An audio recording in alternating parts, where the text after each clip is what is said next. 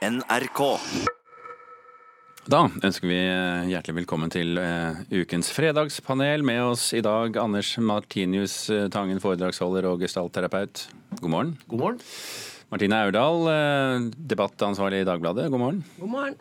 Og film- og TV-regissør Marit Moum Aune med på linje fra Tyholt i Trondheim. God morgen. Litt forsinkelse på linja der, for å se om det bedrer seg underveis.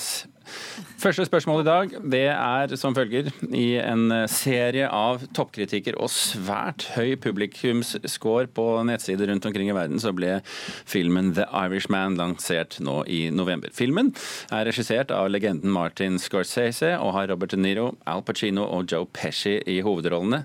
Men Filmen ble bare vist på små kinoer i noen få dager før den gikk rett på Netflix. Så vårt spørs første spørsmål i dag, og vi kan jo begynne i Trondheim. Burde The Irishman gått på de store kinoene?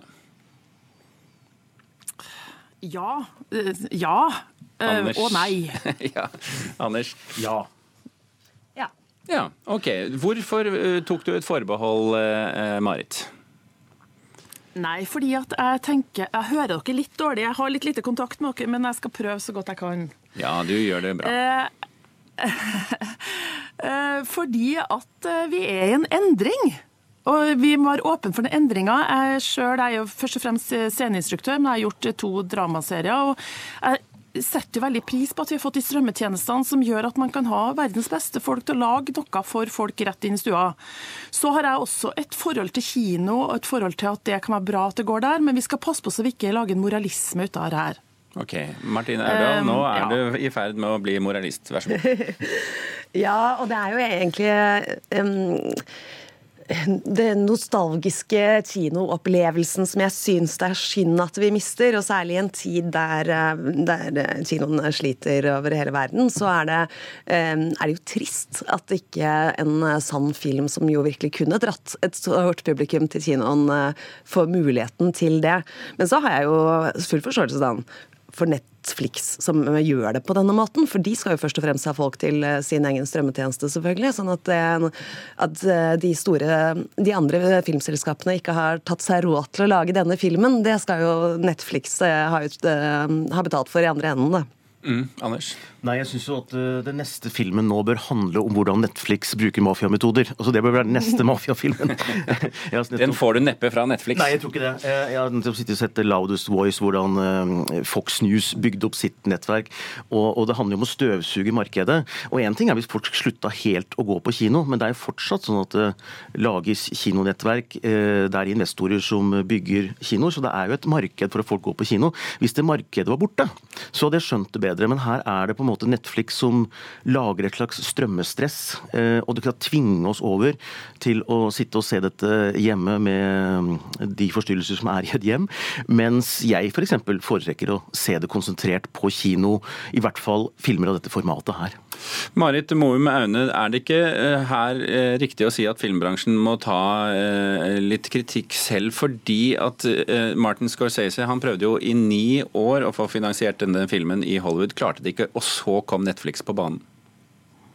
Ja, og da kan man si at det ligger problemer hos Netflix eller hos filmbransjen. Eh, Jeg tenker det at Vi skal ikke være fordomsfulle heller. Vi kan ikke bare si at alt som heter store organisasjoner skaper negative ting. Vi har også store filmhus som tidligere laga store filmer. Netflix er aktiv produsent, også med norske utøvere, og eh, gjør det mulig å skape ting. Vi har aldri produsert f.eks. så mye eh, i Norge, bl.a. pga. TV-serier. og Det mener jeg er veldig veldig viktig å ikke være fordomsfull imot.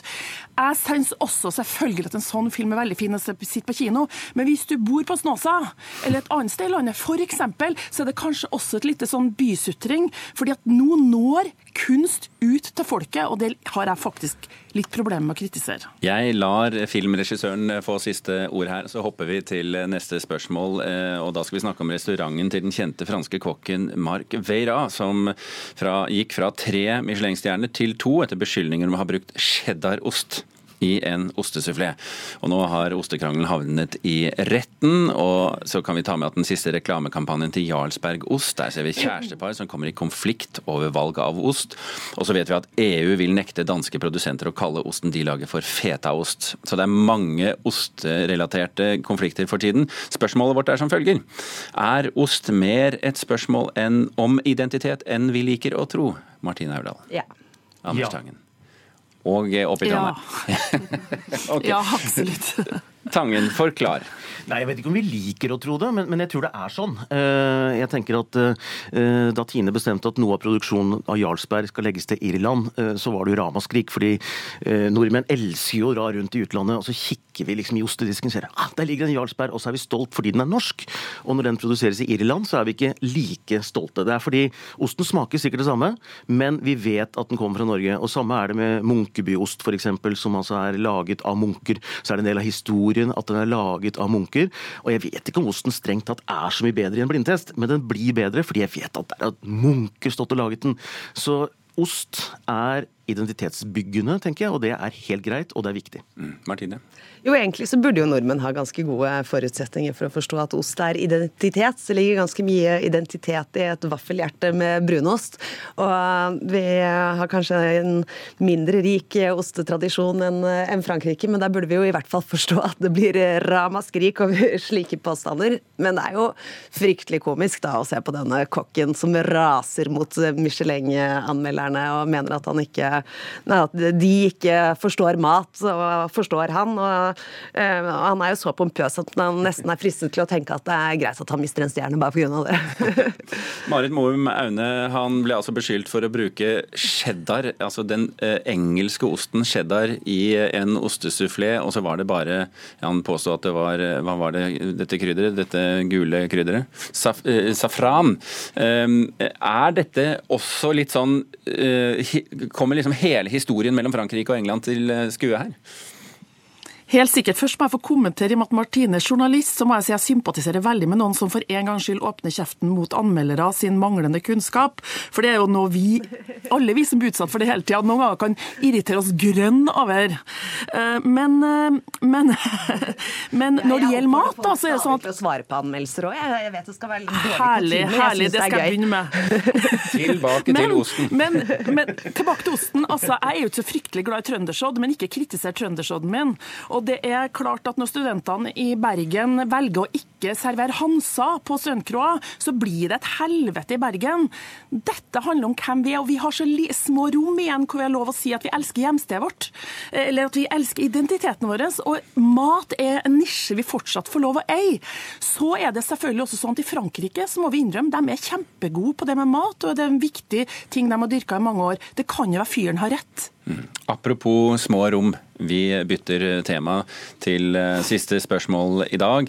For i flere tiår har vi Menn-piken prydet forsider og midtsider i det populære ukebladet. Spalten består av korte intervjuer og bilder av relativt lettkledde kvinner. Det hender sågar av og til at de ikke har klær på seg i det hele tatt. Og så ligger de lett dandert på mer eller mindre behagelig vis eh, i en seng, en åker, eller kanskje til og med på noe svaberg.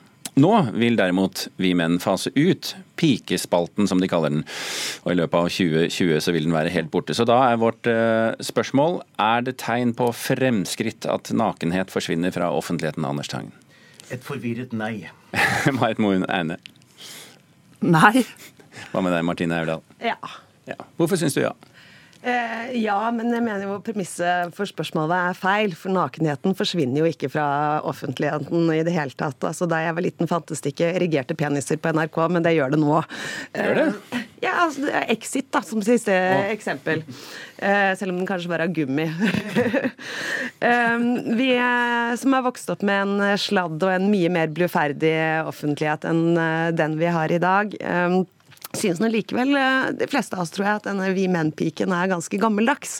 Jeg ville blitt svært overrasket om jeg hadde sett en på en eh, vegg på et pauserom eh, her i NRK. Vi forbinder det med liksom en litt sånn utdøende mannsrase som bare finnes i bilverksteder og knapt nok der i dag.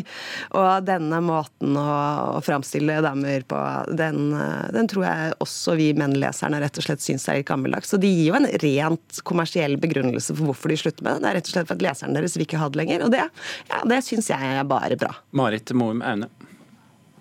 Ja, men Det kan jo være at leserne vil ha noe som er drøyere. Eh, jeg, jeg synes det er ganske interessant at vi For noen år siden så ville jeg også reagert på denne dama. Jeg synes jo det, det, er jo nesten litt søt sak. Og det at jeg syns det er nesten blitt en søt sak, sier noe om mm. hvordan det har bevega seg. Eh, Knutsen Ludvigsen sa en gang i en sang det er en dame som vriser for rumpen sin. Hun smiler og ler, og det er det. Og så handla sangen om hvordan er det for en unge å gå opp i alle nakenheter.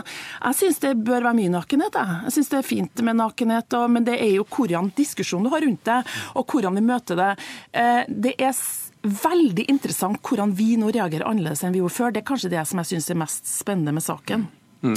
Anders eh, Tangen, du innledet med å si at du var forvirret, eller jeg tolket deg i hvert fall dit hen. Er du mer, eh, mindre forvirret nå? Ja, ja, nei, det er gode innspill, dette her. Jeg tenker at Du sa at det var kanskje den penisen var av gummi, men det er ikke den eneste som er av gummi når det gjelder nakenhet. fordi hva skal vi med side tre-piken når vi har influensere? Altså, de, de, de, legger seg stort sett nakne ut og lager serier på TV med bloggerne hvor de står nakne på verandaen, og det er fortsatt sånn at da blir det diskusjon, og det vet vet de. Gjør dette for å lage oppmerksomhet rundt seg selv. Samtidig som at hvis noen av religiøse grunner kler på seg en burkini, så blir vi liksom provosert av det òg. Sånn at eh, nakenhetsdiskusjonen er ikke rettlinja. Den, eh, den, går i alle retninger. Eh, noen ganger blir vi provosert av det. Jeg bader ofte på Frognerbadet og ser at der er det jo unge gutter som ikke tør å dusje. Eller tør, det er en påstand fra meg, da, men i hvert fall så dusjes det der mindre nakent enn det gjorde før. Så det er et helt annet forhold til nakenhet igjen. Så jeg, Det er forvirret, nei. Oppi alt dette så er det jo mange feminister som kjemper en sak for å få vise brystvortene sine. Hvordan passer det inn, Martine? Nei, men det er jo en del av den schizofrene utviklingen som går i mange motstridende retninger samtidig, som, eh, som Anders beskriver her. Altså du har eh, Hvor det plutselig er liksom helt vanlig at folk har sex på TV, eh, men de tør ikke å dusje i, i gymmen. Og ja, det er jo jeg syns egentlig begge deler kan være litt problematisk. men, eh, men, ja. Men den kampen for den der pinupen, den, den tror jeg er tapt. Men, men, så er det jo da et, samtidig problem at eh, åtteåringer uh, møter hardporno på mobilen. ikke sant? Mm. Og, um, Marit Moe Maune, du sa mer, at du er for mer nakenhet. Men uh, det er vel former for nakenhet du ikke nødvendigvis er så fan av? Selvfølgelig, jeg tror det her er en evig diskusjon som har vart gjennom tusenvis av år. er Hvordan fremstiller vi seksualitet og kropp, og hva er kropp og hva er seksualitet? Og hva er en pupp når den ammer eller når den blir brukt i en seksuell sammenheng? Altså, Det er bare fint at vi snakker om de tingene der, men det slo meg i dag når jeg gikk gjennom Trondheim sentrum og ser reklameplakatene, at de er mye drøyere på en vanlig butikk nå enn de kanskje er i Vimen. Og, og har, det, har, vi beveget det? Jeg tenker veldig veldig mye på ungene sitt forhold til kropp og i forhold til kvinnekroppen, eh, men jeg syns vi bare skal kjøre på med mindre prippenhet generelt generelt, og mer åpenhet. Okay. Det er jeg enig med. Jeg foreslår en viktig kompromisskampsak som ja til mer nakenhet i, i gymmen. Litt ja. Og at, at, vi menn erstatter vi menn-piken med feminister som viser frem sine brystvorter. Uansett, Fredagspanelet rundes av herved Anders Martinus Tangen, Martine Aurdal og Marit Moum Aune. Takk for at dere utgjorde dagens fredagspanel.